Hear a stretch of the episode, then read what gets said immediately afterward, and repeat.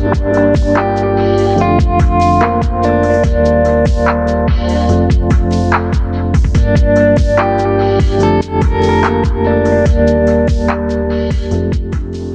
BPA-ordningen fungerer ikke som den skal, skal vi tro en undersøkelse nylig gjennomført blant dem som mottar brukerstyrt personlig assistanse. Funksjonshemmede har ikke nok assistanse til verken fritidsaktiviteter, besøke familie og venner, reise på ferie eller å delta i samfunnslivet for øvrig. Jon Torp, du er direktør for BPA i Humana omsorg og assistanse. Overrasket disse resultatene dere? Dessverre blei vi ikke overraska over det. Det er ikke første gangen at det blir dokumentert i Norge at BPA ikke fungerer etter hensikten. Eh, det er nok første gangen at vi klarer å gå så dypt ned i tallene at vi ser eh, på en måte hva det er som er de største manglene ved, ved BPA-ordningen. Men det er ikke overraskende, dessverre. Dette visste vi fra før av. Mm. Du har jobbet med BPA siden ordningen ble etablert i år 2000.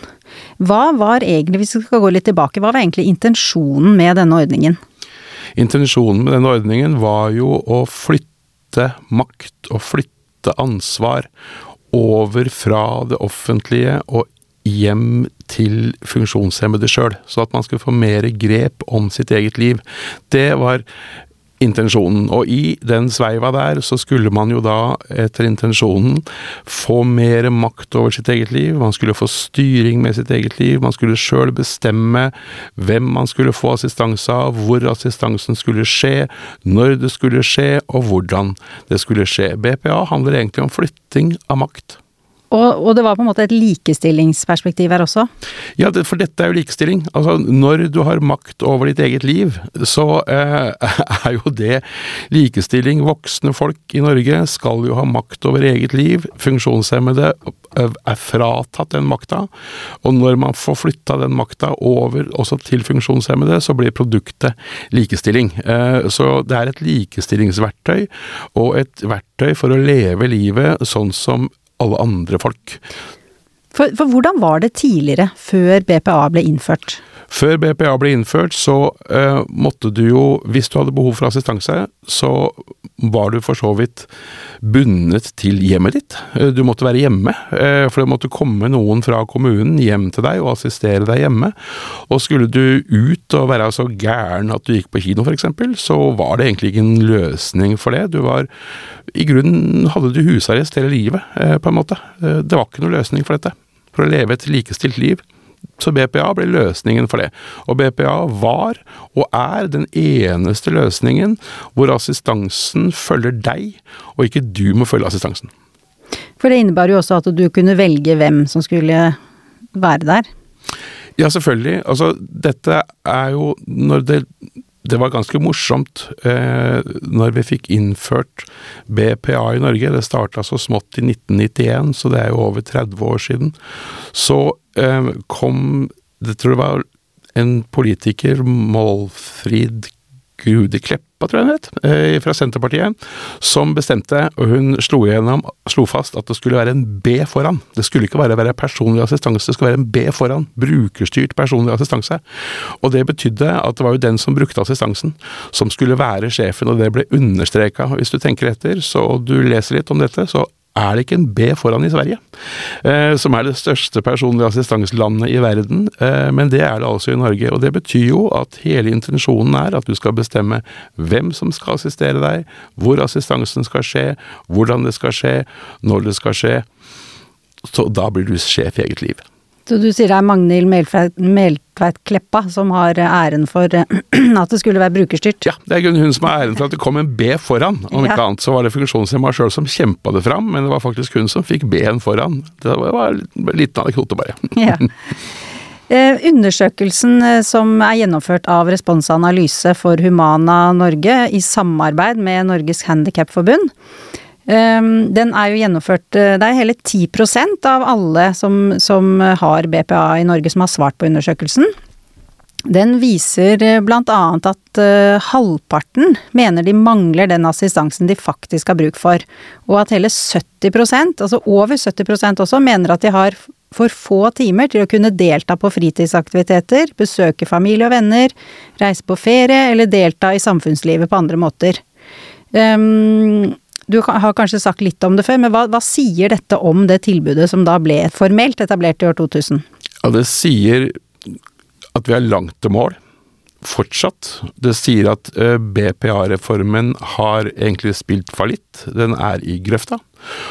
Og den sier også noe om at vi fortsatt tåler altfor godt at funksjonshemmede diskrimineres og forskjellsbehandles, og at man ikke setter de samme standarder for funksjonshemma som man gjør for folk flest. Det sier det mer enn noe annet. Altså når halvparten rett og slett ikke får det sånn som det var tenkt, så er jo det jeg vet nesten ikke om skandale er stort nok ord engang. Bare prøv, bare prøv tankeeksperimentet at halvparten av norske foreldre mener at barna ikke får den undervisningen de skal på skolen. Det hadde vi ikke tålt. Det hadde vært helt umulig å leve i en nasjon hvor, hvor, hvor, på en måte resultatene er sånn. Men i dette tilfellet her, så er det altså halvparten av de som behøver noe så essensielt som assistanse til å leve et fullverdig og likestilt liv, mener at de rett og slett ikke får det 30 år etter at politikerne sa at det skal du få.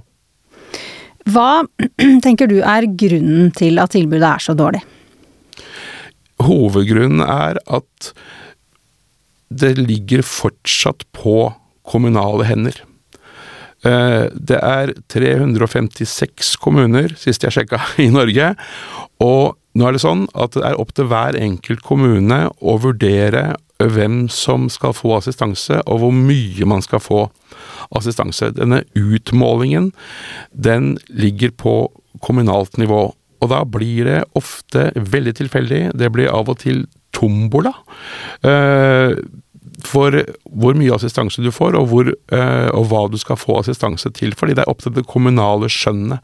Og da sitter det noen da og smører dette enten tynt utover eller litt tjukkere utover. Um, og så er det opp til ofte enkeltsaksbehandlere eh, å, vurdere dette. Stadig vekk så hører vi fra folk som ringer til oss og forteller eh, om at de har flytta fra kommune A til kommune B, og så har de fått halvert BPA-tilbudet sitt. Det er helt utholdelig. Hmm.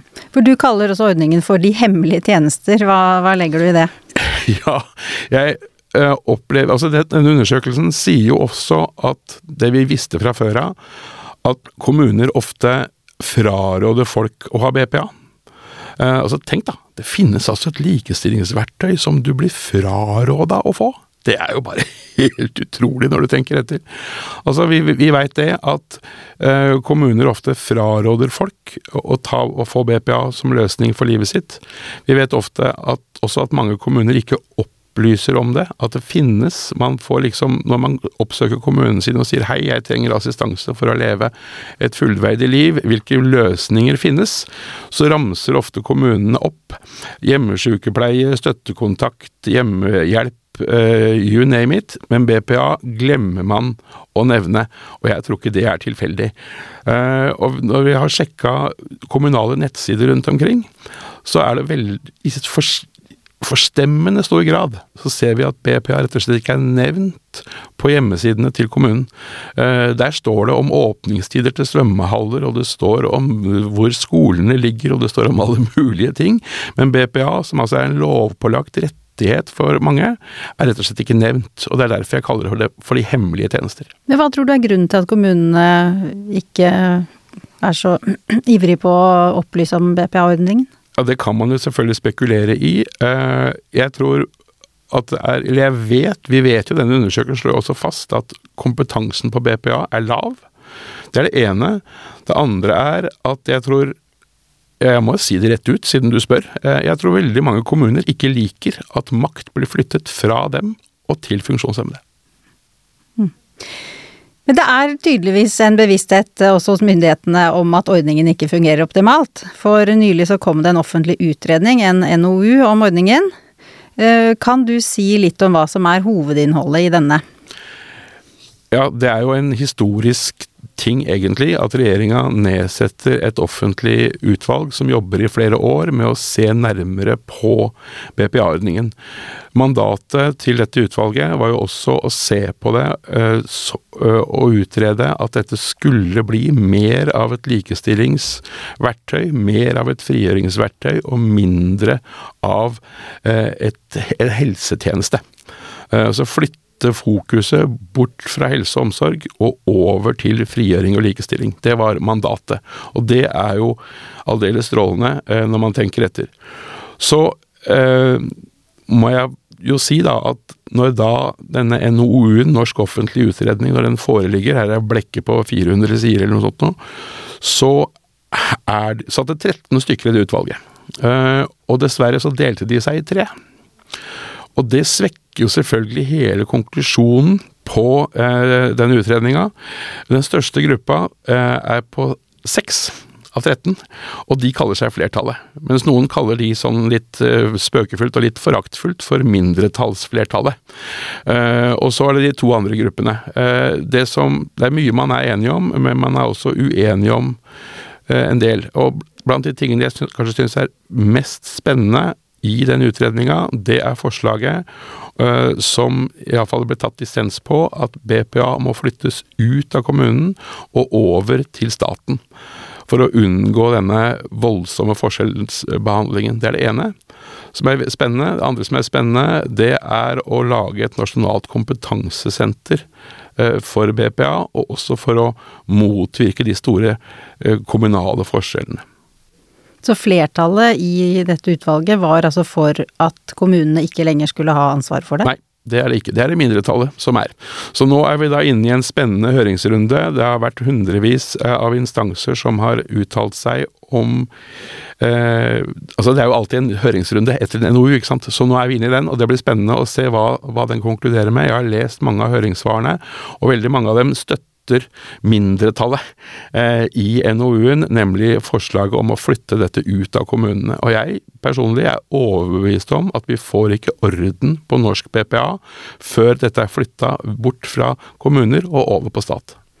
Men det var også en, en, uenighet der i forhold til eh, det med helsetjenester, om hvorvidt det skulle være en del av BPA-ordningen. Kan du si litt om det? Ja, det har, For de som har fulgt med på akkurat denne lille saken her, da, uh, lille i, i, nasjonal sammenheng, men veldig stor for den det gjelder, så uh, var det da en, en passus i uh, denne, dette mindretallet i NOU-en som sa at altså, du skal ha rett til BPA så lenge du har assistansebehov som ikke behøver faglært kompetanse. Behøver du faglært kompetanse inn i BPA-ordningen din, ja, så skal retten falle bort. Eh, ble det sagt på side 358, så vidt jeg husker. Eh, og det ble det ganske mye bråk av. Eh, mange sier og sa med styrke at dette her er helt umulig å leve med. Altså, jeg trenger også helsepersonell inn i ordningen min, men jeg vil fortsatt ha det organisert som, som BPA det har versert ganske mye fram og tilbake i sommer rundt dette, og som skrev, de som skrev det, har vel i ettertid sagt at vet du hva, det der, der var litt dumt skrevet. Så jeg, jeg, tror de angrer seg på det, eh, og jeg håper at den eh, lapsusen, egentlig, forsvinner eh, i løpet av høringsrunda nå. Ja, Du tror det er mulighet til å få en enighet når det gjelder det? Ja, det håper jeg, og det tror jeg, for det er egentlig ingen som er uenig i at dersom du har et assistansebehov som også omhandler det faktum at du trenger noe helsetjenester, så kan du fortsatt ha det organisert som BPA. Vi har mange kunder i Humana som har det sånn i dag, det fungerer aldeles utmerket. Eh, og det, vi ser ingen grunn til at det skal bli rokka ved. Altså, if it ain't broken, don't fix it. Mm. Så det du sier eh, egentlig, det er at det ble på en måte ikke noe flertall. Altså den var ikke spesielt entydig, denne NOU-en. Det er helt um, riktig. Det, de delte seg i seks pluss fire pluss noen ja, Med ulike flertall og mindretall ja. i forskjellige retninger, avhengig av hvilken sak eh, det var. Helt riktig. Og når du skal da lese deg gjennom dette her som beslutningstaker, så er det veldig vanskelig å vite um, på en måte hva som er det egentlige rådet til politikerne, ikke sant. Så høringsrunden som er ferdig nå, eh, den vil jo også bli viktig Eh, hva har kommet fram der? Ja, det kommer jo fram selvfølgelig mange ting. Eh, det er mange som er opptatt av på en måte seg og sitt, så det er ikke noe entydighet i det. Men jeg legger merke til at altså, under arbeidet da, med NOU-en, så stoppa de opp midtveis omtrent, og så gikk de tilbake til regjeringa og sa du vet hva, sånn som dette utvikler seg, sånn som det, de samtalene foregår i dette utvalget, så ber vi så på våre knær omtrent, kan vi få lov til å foreslå å løfte BPA ut av kommuner og over på stat. Det spurte de om midtveis, og fikk nei. Det får dere ikke, dere skal utrede innenfor en kommunal løsning. Og det var det jo da noen som da fortsatte å gjøre, men så var det da noen som sa vet du hva, det kan vi bare ikke forholde oss til.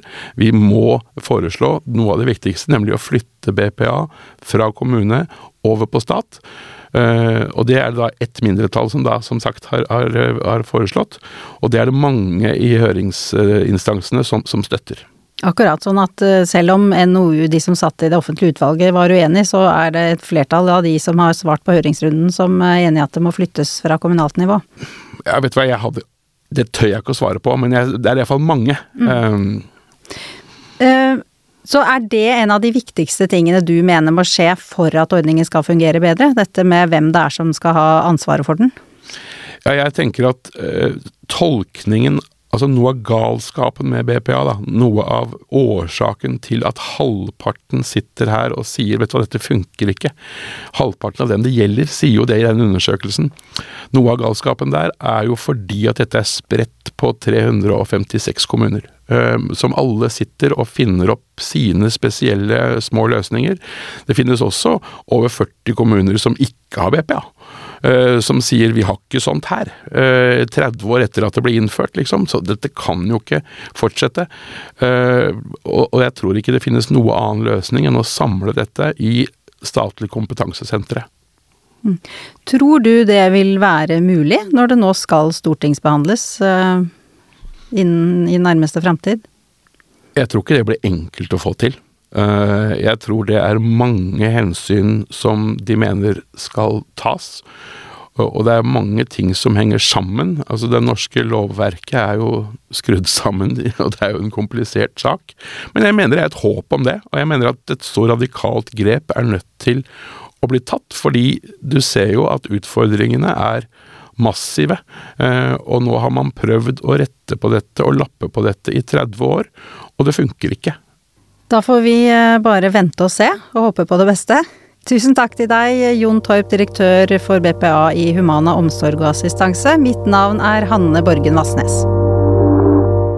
Du har hørt en podkast fra Humana Innsikt. Besøk gjerne vår nettside humananorge.no, eller følg oss på sosiale medier ved å søke opp Humana omsorg og assistanse. Ansvarlig redaktør for podkasten er marked- og kommunikasjonsdirektør Hans Henrik Sørensen. Likte du det du hørte, er det hyggelig om du anbefaler podkasten videre til andre.